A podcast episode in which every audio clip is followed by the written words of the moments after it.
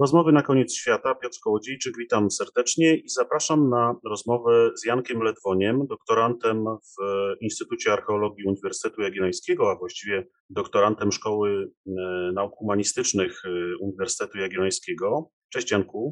Cześć Piotrek, dzień dobry. To będzie gorąca rozmowa, tak podejrzewam, bo będziemy rozmawiać o pożarach, o pożarach, którymi e, zajmujesz się, można powiedzieć, zawodowo, choć nie jako strażak, ale jako badacz, który wziął sobie na warsztat e, pożary pradziejowe, pożary w epoce odległej, w epoce brązu. Zacznijmy może od e, początku, od tego, czym ogień jest dla człowieka. No, myślę, że wszyscy wiemy, że jest jednym z najważniejszych odkryć, jeśli można tak powiedzieć, w dziejach ludzkości, i to w wymiarze technologicznym, bo umożliwił nam bardzo wiele czynności, które dzisiaj są dla nas oczywiste, obróbkę metali, produkcję ceramiki, obróbkę żywności i tak ale także w wymiarze symbolicznym, bo przecież stał się symbolem różnych kulturowych zjawisk, e, miał być dziełem bogów, miał służyć do oczyszczenia, do, do hartowania ważnych dla człowieka rzeczy, był symbolem, czy jest symbolem miłości chociażby, prawda? Żar miłości i tak. E, jak to z tym ogniem e, było? Czy to jest nasz przyjaciel, nasz wróg? Jak, jak ten ogień się w naszym otoczeniu znalazł? Tak, to no jak sam stwierdziłeś, właśnie może zacznijmy od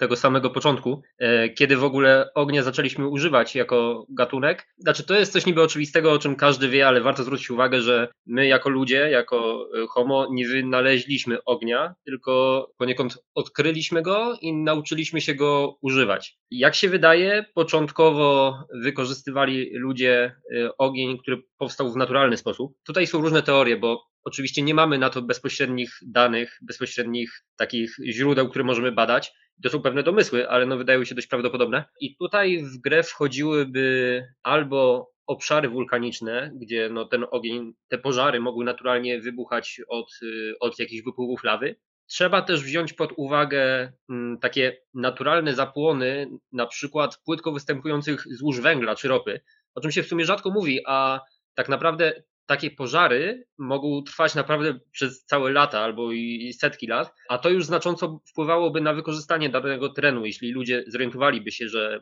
na takim obszarze można ten ogień pozyskać i go wykorzystać. Ale no takim na pewno najbardziej prawdopodobnym źródłem naturalnym ognia to są po prostu uderzenia piorunów, no bo to występuje w zasadzie w, na całej kuli ziemskiej, e, niezależnie od regionu, więc było najłatwiej dostępne. No dzisiaj też te, te, pożary się nam zdarzają, naturalne, że tak powiem. Tak, jak najbardziej. No, mimo naszej rozwiniętej technologii nie jesteśmy na to w stanie nic poradzić, więc najbardziej prawdopodobne jest właśnie takie źródło. No więc człowiek przez pewien czas, ciężko znowu powiedzieć jaki, zapewne wykorzystywał te naturalne źródła. Mówi się też o takim długotrwałym przechowywaniu tego, tego ognia, żeby no, wykorzystywać go po czasie w momencie, gdy akurat na przykład burzy nie było. A jeśli chodzi o rozniecanie ognia intencjonalne przez ludzi, to przypuszcza się, jak z większością wynalazków naszych, że no nastąpiło to przez przypadek. I być może tutaj trzeba rozważać moment, kiedy w ogóle człowiek zaczął y, w jakiś sposób wytwarzać narzędzia, na początku te bardzo proste narzędzia, te, które nazywamy, nie wiem, czoperami czy rozłupcami, E, gdy podczas takiego przygotowywania pewnie poszła mu jakaś iskra. Narzędzia, e, masz pewnie... na myśli narzędzia krzemienne, tak? Krzemienne, tak, tak, tak. Mhm. Jak najbardziej. No, chodzi o narzędzia krzemienne. Gdy podczas właśnie ich przygotowywania mm, poszła gdzieś jakaś iskra, trafiła na łatwopalny materiał, no i powstał ogień.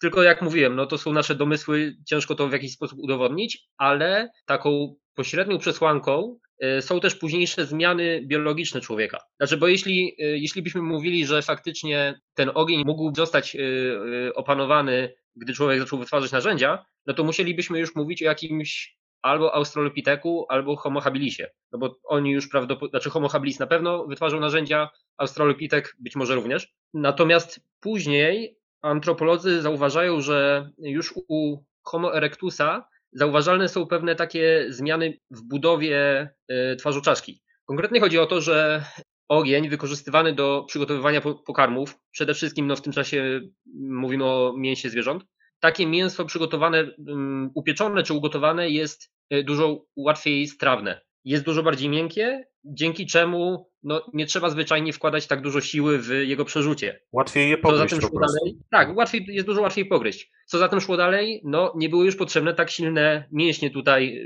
y, żuchwy, żuchwy i szczęki, żeby taki pokarm spożyć, więc mogły te mięśnie się zredukować i zrobić więcej miejsca dla pozostałej części naszej głowy, czyli no, zwyczajnie mózg miał, gdzie się, miał się gdzie rozrosnąć. I takie najwcześniejsze archeologiczne dane y, na intencjonalne wykorzystanie ognia y, to pochodzą z RPA. Jest taka jaskinia y, Wonderwerk, właśnie w Republice Południowej Afryki, gdzie odnaleziono no, ślady obozowania i właśnie celowego rozniecania, przechowywania tego ognia.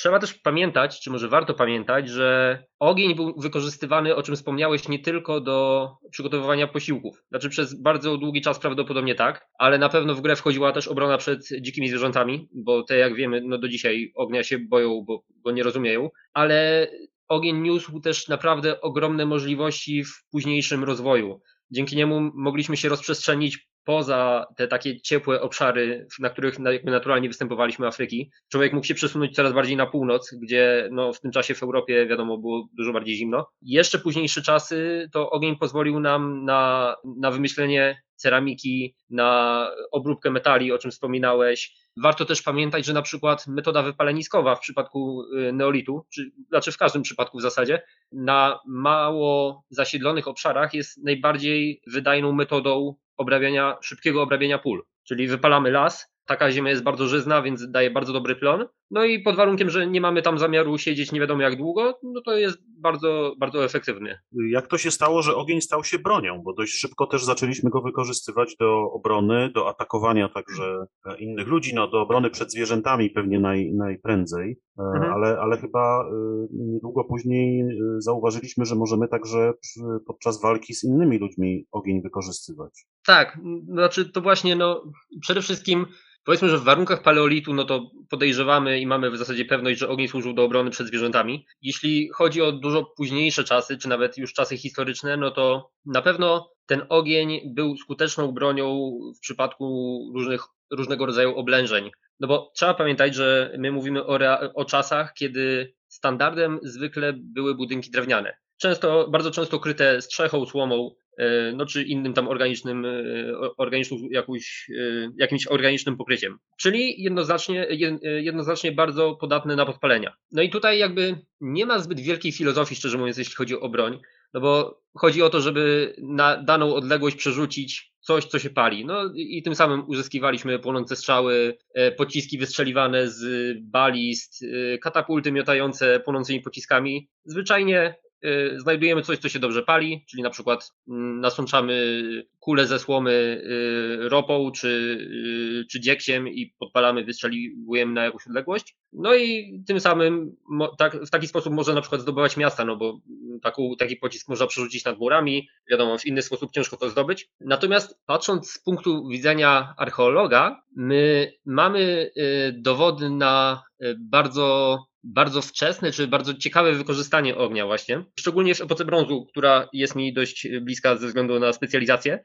E, mamy dowody na, e, na takie wykorzystanie. Na przykład w, od późnej epoki brązu po, no w zasadzie po późną epokę żelaza w zachodniej Europie, tej takiej części atlantyckiej, czyli mówiąc e, prościej od dzisiejszej Portugalii przez wybrzeże Francji aż po Irlandię, mamy taki pewien horyzont spalonych fortyfikacji. Tutaj jakby próby interpretacji, co było przyczyną te, tego spalenia, yy, nie, nie możemy jednoznacznie określić. Te yy, próby wytłumaczenia są różne, ale fakt jest taki, że w grodziskach, które są otoczone fortyfika- było otoczone fortyfikacjami kamiennoziemnymi, widzimy kamienie, które są tak silnie spalone, że momentami wręcz roztopione. One są wręcz zeszklone a to jak jeszcze będę mówił później, wymagało naprawdę ogromnych temperatur rzędu no mniej więcej 1200 i więcej stopni. Więc wyobraźmy sobie, co, co to musiało być za pożar, żeby stapiać kamienie. Z takiego naszego tutaj bliższego podwórka e, na terenie Polski, no mamy gród w Wicinie, e, dzisiaj na terenie Lubuskiego, e, gdzie podczas najazdu stetyjskiego gród został, e, grodzisko zostało spalone i właśnie odkryto na nim, e, poza tam grocikami stytyjskimi i inno, innymi śladami walki, szkielety osób, które schroniły się w piwniczce podczas właśnie szalejącego pożaru, bo ten gród, jak mówiłem, został podpalony, no i starano się w ten sposób, w ten sposób uchronić. Jak widać, no ni niestety nie wyszło. Wywołałeś hasło pożar, to zaczniemy tak. może rozmawiać o pożarach, czyli o tym, czym się zajmujesz. No, to jest, tak, myślę, tak. Tru, trudna sprawa, kiedy myślimy o pożarach w tak odległych czasach, bo dzisiaj pożar to sprawa dla nas no, znana i, i pewnie każdy sobie wyobraża, jak można tym pożarem się zajmować z różnych perspektyw, ale jak można badać pożary, które miały miejsce kilka tysięcy lat temu? Jak, jak to jest w ogóle możliwe? Jakie metody są do tego wykorzystywane? Jak ty pracujesz nad, nad tymi pożarami, które badasz? Generalnie pożary zostawiają po sobie takie bardzo charakterystyczne ślady w materiale archeologicznym, w zapisie archeologicznym i jedne te ślady są bardzo ewidentne i takie łatwe do zauważenia przez no w zasadzie każdego, no bo wiadomo, są jakieś wypalona polepa, o tym czym jest polepa zaraz powiem, warstwy spalenizny, spalone drewno, e, warstwy zwęglenia. E, w innych przypadkach no, trzeba trochę mieć pewne obeznanie i wiedzieć na co zwracać uwagę, żeby taki pożar rozpoznać. I właśnie ta polepa, o której przed chwilą powiedziałem, jest takim bardzo dobrym wyznacznikiem pożaru.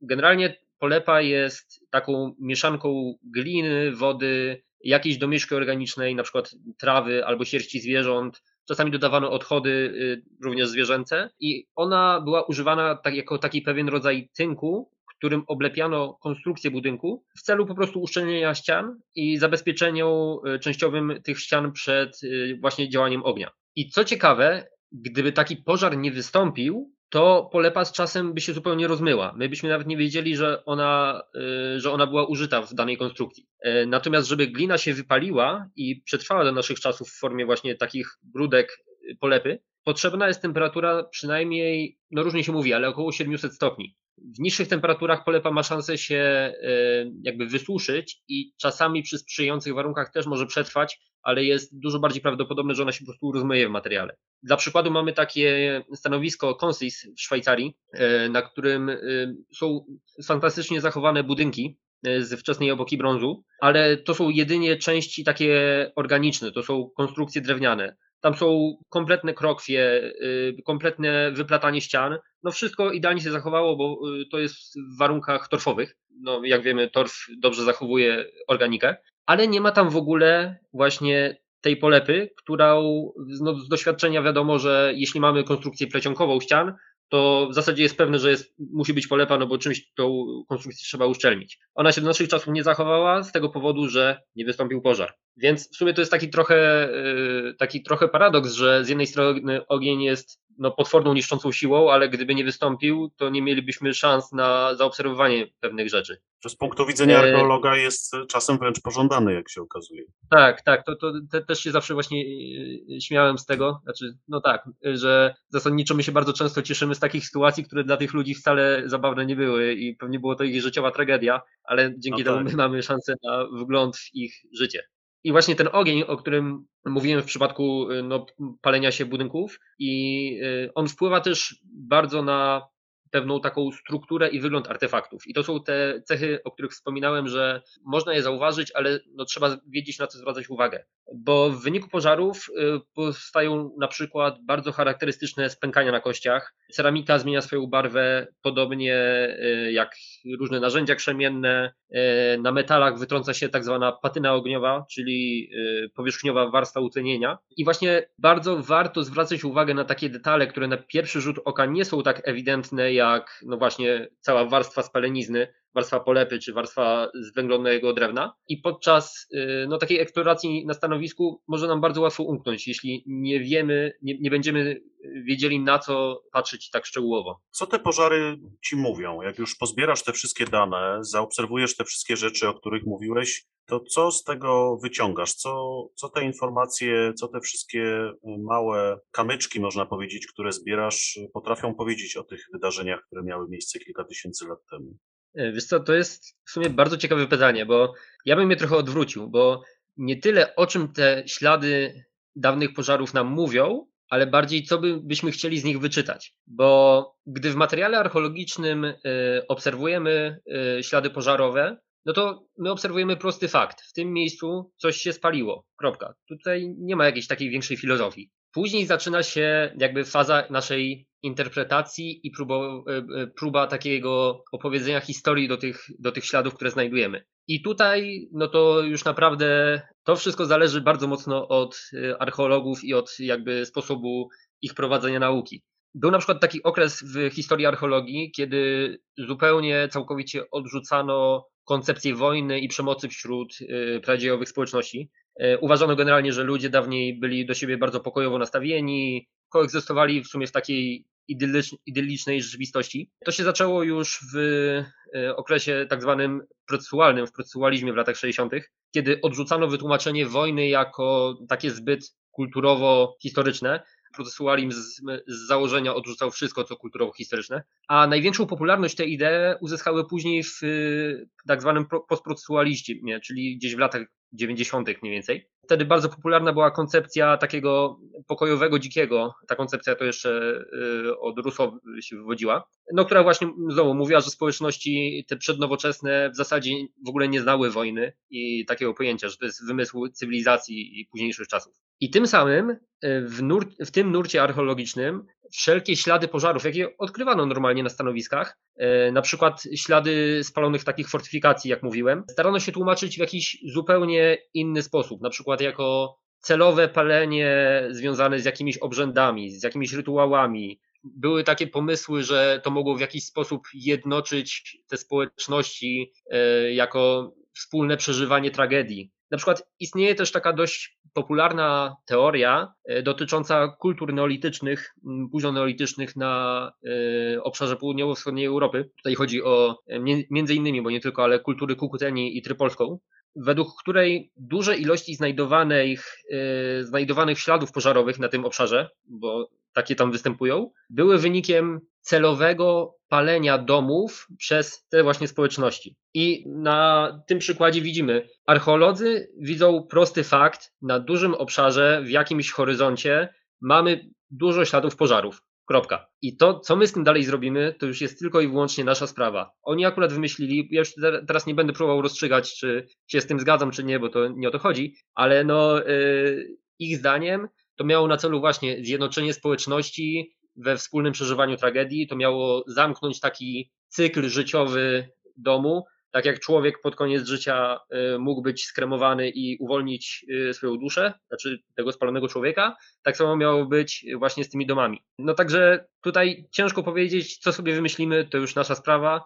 Ważne po prostu, żeby mieć na to jakieś faktyczne dowody, a nie tylko płynąć na zasadzie kilku obserwacji. Niektórzy twierdzą też, że dachy, które jak powiedziałeś były zrobione w tych pradziejowych domostwach z jakichś trzcinowych, słomianych, no organicznych w każdym razie materiałów, były po prostu palone co jakiś czas, żeby mhm. wyplenić robactwo, które się tam zalęgało, no i później robione od nowa. I tak pewnie też było być, może wiele tych tak. odpowiedzi jest prawdziwych, prawda, jak to w życiu. Znaczy, może być, tylko wiesz, to problem się pojawia wtedy, że jakby no dalej idąc y, na podstawie y, tego przykładu, który podałem, y, ci archeolodzy, uważając, że te domy były palone celowo, poszli dalej w swoich teoriach, mówiąc, że tak duża ilość polepy odkrywania na stanowiskach jest niemożliwa do uzyskania przy normalnym pożarze, takim w sensie naturalnym, który wystąpił przypadkiem. Więc tym samym uważają, że ci ludzie celowo dokładali jeszcze paliwa żeby uzyskać wyższe temperatury. No i tu się już zaczyna pewien problem, bo znaczy moim osobistym zdaniem to się absolutnie kłóci z tym, co obserwujemy w przypadku przypadkowych pożarów,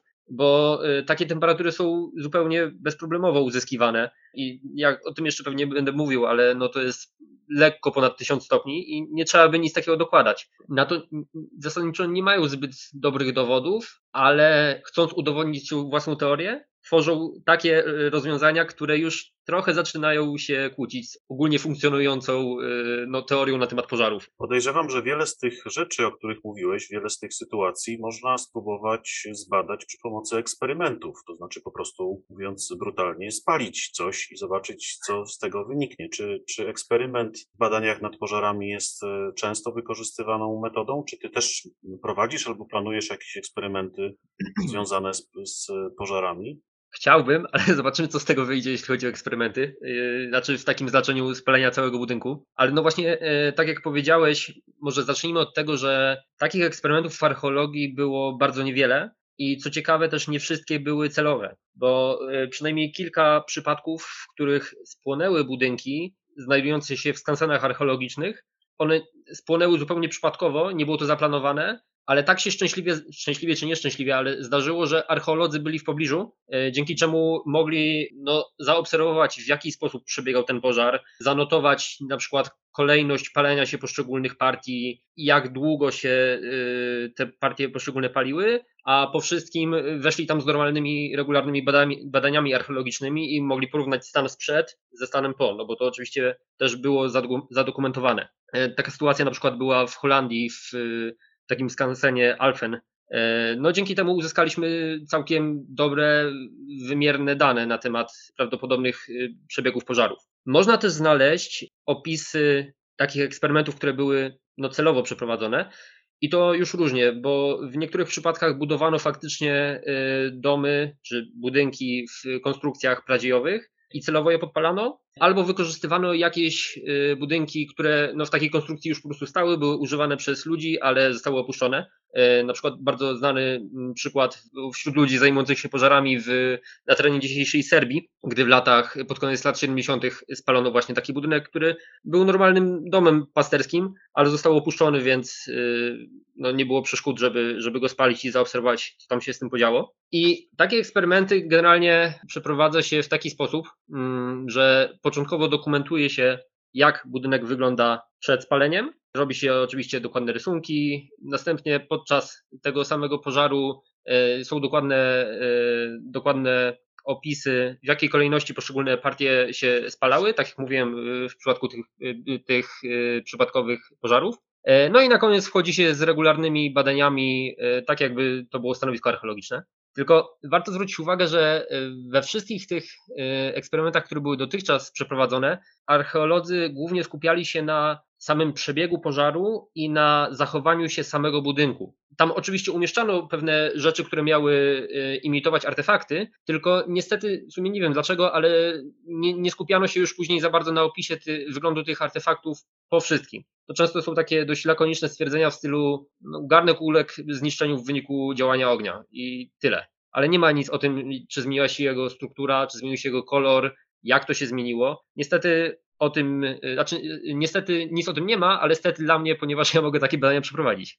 Pamiętajmy, że generalnie y, taki eksperyment polegający na spaleniu całego budynku, no to jest na pewno bardzo ciekawa i bardzo ciekawa rzecz, taka, która jest widowiskowa i chętnie by się to oglądało, ale no też na pewno bardzo kosztowna. I to zarówno jeśli chodzi o kwestie finansowe, ale też o czas, bo to no, po prostu trzeba y, mieć też bardzo konkretną wiedzę, jak taki budynek y, zbudować, żeby on się zachowywał dokładnie tak jak budynek pradziejowy. I tutaj, no nie wiem, warto zwrócić uwagę na, naprawdę na takie, wydawać by się mogło błahe rzeczy, dla nas bardzo oczywiste, jak wykorzystanie żelaznych gwoździ. Dzisiaj, jeśli coś robimy z drewna, no to użycie gwoździ jest zupełnie naturalne. Jeśli mówimy o budynkach pochodzących, czy o rekonstrukcjach budynków, które miały być na przykład z neolitu, no to nie miało to racji bytu, a zupełnie zmienia konstrukcję nośną takiego budynku, a tym samym zupełnie zmienia przebieg pożaru takiego, takiego właśnie domu. Pewnie też e, wpływa na temperaturę, która się tam może lub nie może wytworzyć.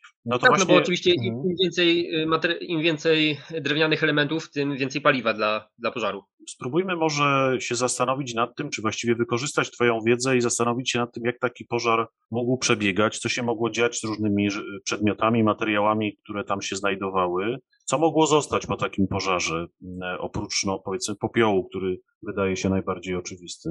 To już bardzo mocno zależy od konkretnych materiałów i od y, strefy pożaru w budynku, y, w których te materiały, te rzeczy y, się znajdowały. Bo kluczowa jest właśnie temperatura i czas, jaki, przez jaki ta temperatura oddziałuje na i konstrukcję budynku, i te same artefakty, te rzeczy, które w tym budynku, tym budynku się znajdują. Trzeba też zwrócić uwagę, że ogromny wpływ ma akurat panująca pogoda. Przede wszystkim prędkość wiatru, e, a tym samym ilość tlenu dostępna i wilgotność. Więc tutaj, e, znaczy, ja, my możemy przedstawić pewien scenariusz i zaraz o nim opowiem, ale to zawsze trzeba pamiętać, że to jest obarczone dużą szansą na to, że było zupełnie inaczej, zależnie od tego, jak, jaka była akurat wtedy pogoda. Ale generalnie jest tak, że pierwszej kolejności zawsze płonie dach i szczególnie to pokrycie dachowe i w tym momencie są też uzyskiwane największe temperatury. I to, jak już wspominałem wcześniej, to spokojnie może być rzędu 1000 stopni i więcej, co ma swój wpływ y, bardzo duży na wygląd, y, wygląd rzeczy, które się tam znajdowały w takim pomieszczeniu.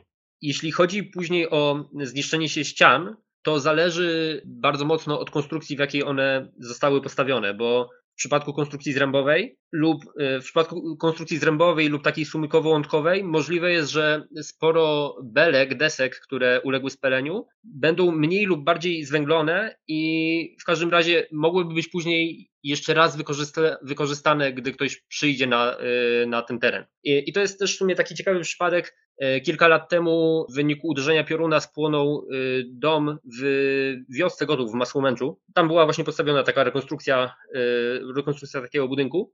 No i zniszczenia były naprawdę ogromne. Spłonął oczywiście cały, ale te słupy nośne, niektóre z nich przynajmniej, E, były w na tyle dobrym stanie, że później przy odbudowie z powrotem je wykorzystano. No to jest pewna y, taka y, istotna może kwestia dla nas archeologów, gdy rozpatrujemy później ślady pożarowe, czy w ogóle ślady zabudowań na, na, na osadach. Jeszcze inaczej zachowują się budynki stawiane w konstrukcji takiej słupowo-pycionkowej ze ścianami obmazywanymi gliną, czyli tą polepą, o której wspominałem. I właśnie to ta polepa bardzo często jest dla nas podstawową informacją o tym, że pożar, y, że pożar miał miejsce, o czym w sumie też już mówiłem. Ona w wyniku ognia ulega wypaleniu, mniej więcej tak jak ceramika, ale co ciekawe, eksperymenty pokazują, że tak naprawdę bardzo mała ilość polepy ulega przepaleniu w na tyle y, dużym stopniu, y, że one, ona może przetrwać w materiale archeologicznym takim do naszych czasów. Bo szacuje się, że to jest zwykle około tylko od 1 do 3%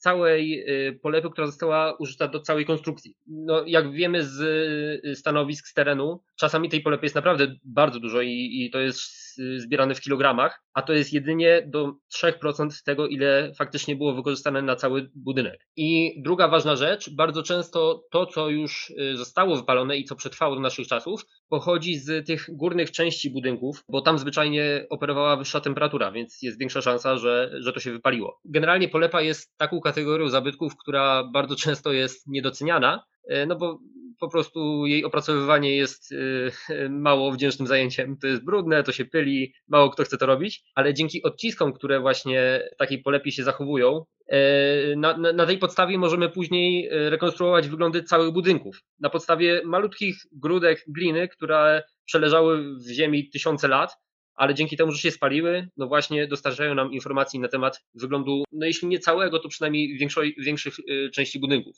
Idąc dalej, już jakby wracając do tego przebiegu palenia się budynków, po zawaleniu się takiej konstrukcji dachowej, gdy cały ten płonący materiał spada na ziemię, jest możliwe, żeby czasami się wypaliła yy, polepa ta na ziemi, klepisko. Ale to mocno zależy od tego, yy, no, jaka temperatura tam dalej operuje, bo zwykle yy, właśnie te części im niżej, yy, im niżej, im bliżej ziemi, tym jest mniejsza szansa, że, że się spalą do stopnia, który umożliwia ich zachowanie. W przypadku elementów kamiennych, y, na przykład jakichś piaskowców użytych do konstrukcji, czy wszelkich żaren, y, które znajdowały się w budynku, możemy zaobserwować, że w wyniku ognia one zmieniają kolor. Y, zwykle piaskowce akurat robią się takie, takie czerwonawe i to się zaczyna dziać mniej więcej w temperaturze około 600 stopni. Podobnie dzieje się z glebą na stanowisku, czyli w koło tego, w koło tego miejsca, gdzie pożar wystąpił. A jeśli z kolei zaobserwujemy ślady ze szklenia, to jest dla nas informacja o tym, że w tym miejscu działała naprawdę ogromna temperatura rzędu 1100-1200 stopni. Ja to wspominałem już, gdy mówiłem o tych y, spalonych fortyfikacjach,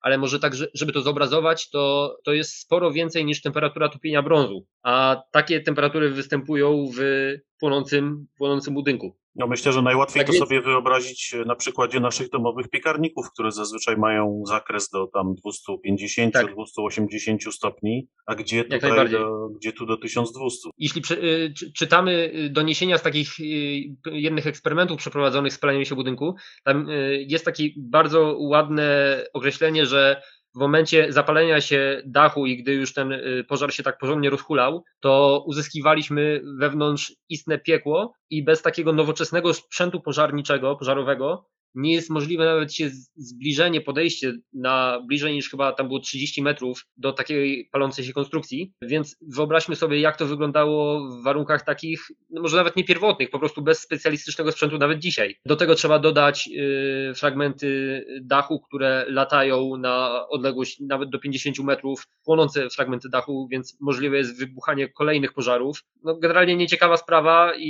i, i taka, przez którą absolutnie ciężko, czy może nawet w ogóle nie da się uchronić. No właśnie, jeszcze my patrzymy na pożary przez pryzmat naszej technologii dzisiejszej, funkcjonowania czegoś takiego jak straż pożarna i tak dalej, no czegoś, co tak naprawdę jest wynalazkiem dopiero grecko-rzymskim, a, a wcześniej... Tak, jak najbardziej. Wcześniej A zwróćmy uwagę, że nawet mimo y, tej naszej rozwiniętej technologii, przecież co roku słyszymy, że ileś osób zginęło w wyniku jakiegoś tam pożaru. No Szczególnie właśnie. właśnie w tym zimowym okresie. A dlaczego ty się zainteresowałeś pożarami? Co cię najbardziej e, interesuje w tych badaniach? Jaka, jaki jest w ogóle przebieg tych twoich badań? Co, co, co dokładnie zamierzasz sprawdzać? Przede wszystkim myślę, że to, myślę, że to, że w kontekście osadowym ślady pożarów są czymś bardzo powszechnym i to niezależnie czy jesteś archeologiem, który zajmuje się, nie wiem, Nowym Światem, Neolitem w północnej Europie, epoką brązu w Skandynawii, gdziekolwiek. Takie ślady w zasadzie są zawsze i wszędzie odnajdywane. Tylko niestety właśnie nie bardzo próbuje się zrozumieć ich istotę. Bardzo często my po prostu znajdując takie ślady odnotowujemy sobie, że w tym miejscu miało miejsce, w tym miejscu y, wybuchł pożar, zbieramy cera, y, fragmenty ceramiki, odnotowujemy sobie czasami, że no właśnie była taka i taka ilość przepalonych fragmentów i tyle. I tak w zasadzie nikt się nie zastanawiał, czy na przykład właśnie idąc dalej y, za tą ceramiką, czy ona pochodzi z zdarzenia, gdy na przykład pół wioski uległo zniszczeniu i generalnie to był Armagedon dla tych ludzi? Czy ktoś zwyczajnie y, robił sobie zupę y, w niedzielę i zapomniał zdjąć ten garnek z ognia, on mu tam wpadł, no i się spalił, stwierdził, że już nie warto tego zbierać, zostawił, tak to przetrwało ileś tam tysięcy lat i my to tak znaleźliśmy. Trochę to nawiązuje do tego, o czym mówiłem, że y, znajdujemy ślady pożarów, a co z nimi zrobimy, to już nasza sprawa, ale jednocześnie, no właśnie, bez zadania sobie takiego pytania w ogóle nie będzie, możli- nie, nie będzie żadnej możliwości, żebyśmy coś więcej z tego wyciągnęli. I generalnie też my w materiale archeologicznym, czy w ogóle w archeologii, yy, zwykle rejestrujemy takie bardzo długotrwające epizody. Im dłużej jakaś kultura funkcjonowała na jakimś terenie, tym nam jest to łatwiej zauważyć. A pożary są takimi oknami, przez które my możemy zajrzeć w nawet no dosłownie 20-30 minut, bardzo dramatycznych minut swoją drogą, z życia tych ludzi. Więc obserwujemy jakąś kulturę, która rozwijała się przez setki, tysiące lat na podstawie jakiejś tam warstwy ziemi, w której znajdujemy poszczególne artefakty, a pożary są właśnie takim, takim, ta, takim miejscem, gdzie możemy zajrzeć w ich dosłownie minuty z tego ich życia. Bardzo ciekawe i bardzo piękne porównanie, bardzo piękne wyjaśnienie, dlaczego analiza pożarów jest ważna. A ty się zajmujesz jakimś konkretnym miejscem, jakimś konkretnym rejonem, w którym te pożary Cię interesują, czy jakimś konkretnym obszarem chronologicznym, czy zbierasz dane dotyczące y, po prostu epoki brązu i tego, co jest dostępne na temat epoki brązu tutaj na naszych Znaczy terenach. nie, znaczy na tym etapie jestem, yy, jestem w trakcie zbierania informacji w ogóle na temat pożarów, bez jakiegoś ograniczenia się chronologicznego i no, moim takim celem, który sobie wyznaczyłem jest stworzenie pewnej metody, pewnej metody, która mogłaby właśnie być wykorzystywana przez wszystkich archeologów, niezależnie od ich specjalizacji, znaczy wszystkich archeologów zajmujących się y, badaniem osad, ale niezależnie od y, czasów, z, z których te osady pochodzą. Natomiast y, ja osobiście chciałbym później te swoje metody przetestować na materiale z późnej epoki brązu. Po prostu dlatego, że y, to, jest, to są czasy, w których powiedzmy, że mam pewne obeznanie z materiałem archeologicznym i które jest mi dość łatwo porównać. A konkretnie jeśli chodzi o zmianę w y, kulturze łużyckiej w grupie górnośląsko-małopolskiej jakby prosto mówiąc, to y, są takie, jest taka zmiana w późnej epoce brązu, wczesnej epoce żelaza, podczas której radykalnie zmienia się obraz kulturowy i jedną z tych zmian, y, czy jedna z tych zmian zbiega się również z dużą ilością śladów pożarowych na osadach tej grupy. No i właśnie mam nadzieję, żeby y, materiały z takich osad zestawić z wynikami moich badań, które najpierw, najpierw będą jakby częścią eksperymentalną, No i zobaczymy, czy to się w jakiś sposób pozytywnie lub negatywnie skoreluje. Domyślam się, że do tego typu badań będziesz pewnie wykorzystywał też jakieś nowoczesne technologie, badania laboratoryjne. Jak tutaj e, tak, tak. wygląda? Znaczy, wiesz to przede wszystkim, gdy mówiłem o, o tym, jak się przeprowadza takie eksperymenty z, ze spalaniem budynków, to wspomniałem, że no, jest to na pewno bardzo kosztowna sprawa postawić taki budynek, a potem go spalić, ale można to po części obejść w ten sposób, że my znając przebieg pożarów w budynkach, znając temperatury, jakie tam występują, możemy takim samym warunkom poddać yy, artefakty, czy coś, co imituje artefakty. Czyli zwyczajnie yy, bierzemy na przykład yy, fragmenty ceramiki, wkładamy je do pieca ceramicznego i przez określony czas wystawiamy je na działanie na przykład temperatury 1000 stopni.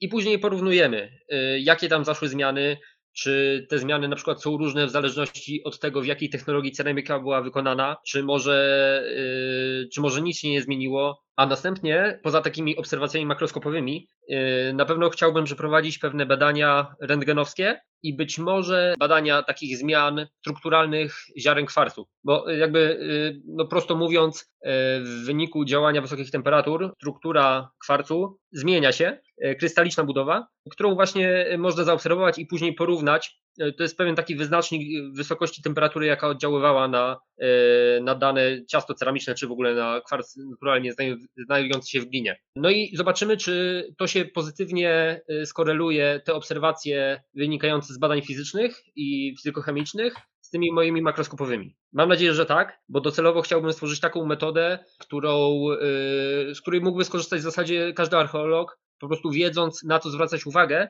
bez konieczności y, wysyłania próbek do właśnie badań, no bo to w zasadzie może zrobić każdy, tylko zwyczajnie to, y, na to potrzeba czasu i pieniędzy, więc fajnie byłoby stworzyć coś takiego, żeby obejść ten problem.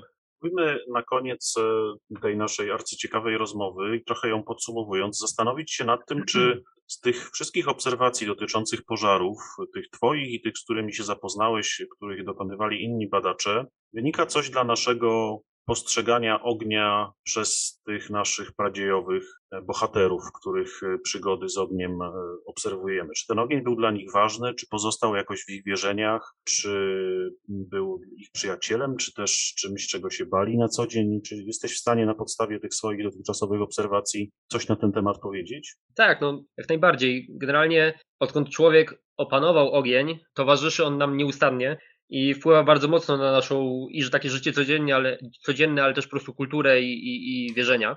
Generalnie myślę, że stosunek do ognia można by trochę porównać do takich bardzo wysokich gór, że z jednej strony my czujemy przed nimi respekt, boimy się ich, mimo że mamy dzisiaj fantastyczną technologię, ale mimo to coś nas w tamte rejony ciągnie. I bardzo podobnie jest właśnie z ogniem. Mimo tego, że wiem, że on potrafi być destrukcyjny i czynić ogromne szkody, no to jednak y, też bardzo dużo nam daje i rozsądnie użyty pozwolił nam na rozwój i to taki na poziomie w zasadzie całego gatunku. Jeśli mówić o takim wpływie na kulturę, no to na pewno wszyscy y, kojarzymy chociażby boginię Hestię, która była y, opiekunką ogniska domowego. Wszyscy słyszeli o micie o Prometeuszu, który za przekazanie ognia ludziom wykradzionym od bogów został ukarany przez Zeusa. Ale też w archeologii mamy sporo przykładów na, na to, że ogień był dla ludzi na pewno ważny, i na pewno wpływał na ich system wierzeń. Na przykład, y, jeśli patrzymy na późną epokę brązu, to mamy do czynienia z czymś takim, co my nazywamy kręgiem, y, kręgiem kultur pól y, popielnicowych, a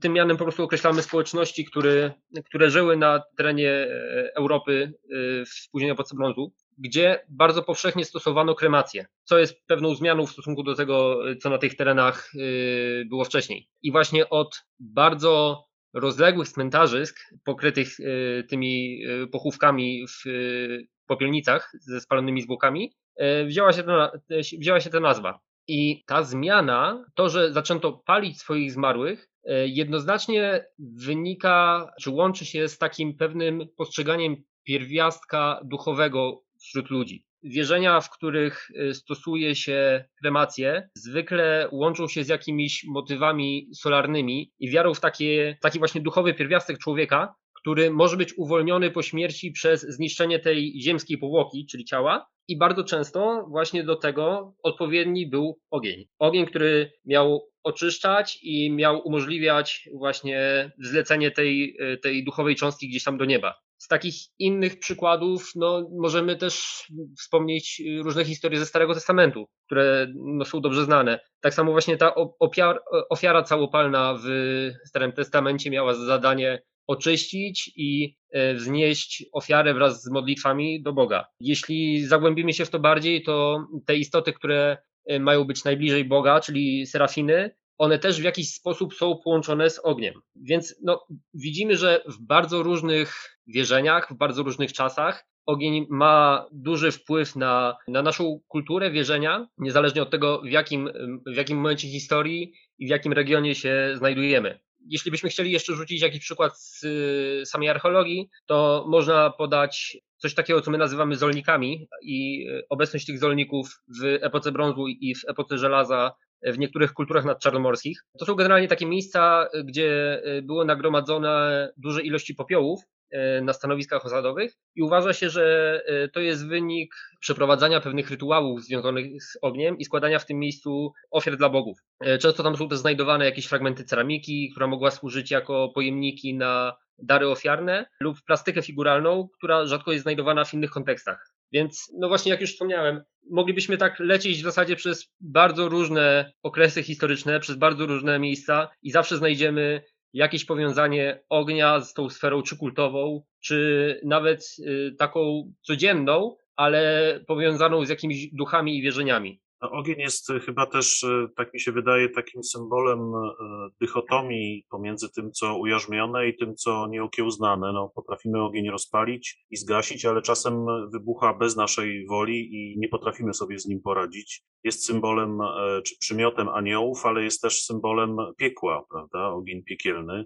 Tak. Więc gdzieś tam, gdzieś tam to, to, to podwójne widzenie, postrzeganie i doświadczanie ognia przez człowieka na pewno się w tych różnych sposobach patrzenia na świat i, i rozumienia świata bardzo silnie przewija. Jak powiedziałeś o tej dychotomii, jeszcze mi się przypomniał y, taki przykład z etnografii. Y, były y, prowadzone badania w Afryce swego czasu, podczas których zaobserwowano pewne, takie pewne ambiwalentne podejście do kowali czarnych, czyli takich, którzy zajmują się obróbką żelaza. E, bo z jednej strony e, uważano ich za no, kogoś, takiego, kogoś takiego ważnego, kto jest w stanie opanować ogień i z jego pomocą z no, jakiejś takiej bez, bezkształtnej, szarej masy stworzyć świetlisty materiał, z którego później są wykonywane użyteczne narzędzia, więc no, tutaj jak, naj, jak najbardziej okazywano im szacunek z tego powodu, ale z drugiej strony obawiano się tej ich powiedzmy mocy, przez co e, musieli prowadzić swoje warsztaty i kuźnie poza głównym, obrębie poza głównym obrębem osady.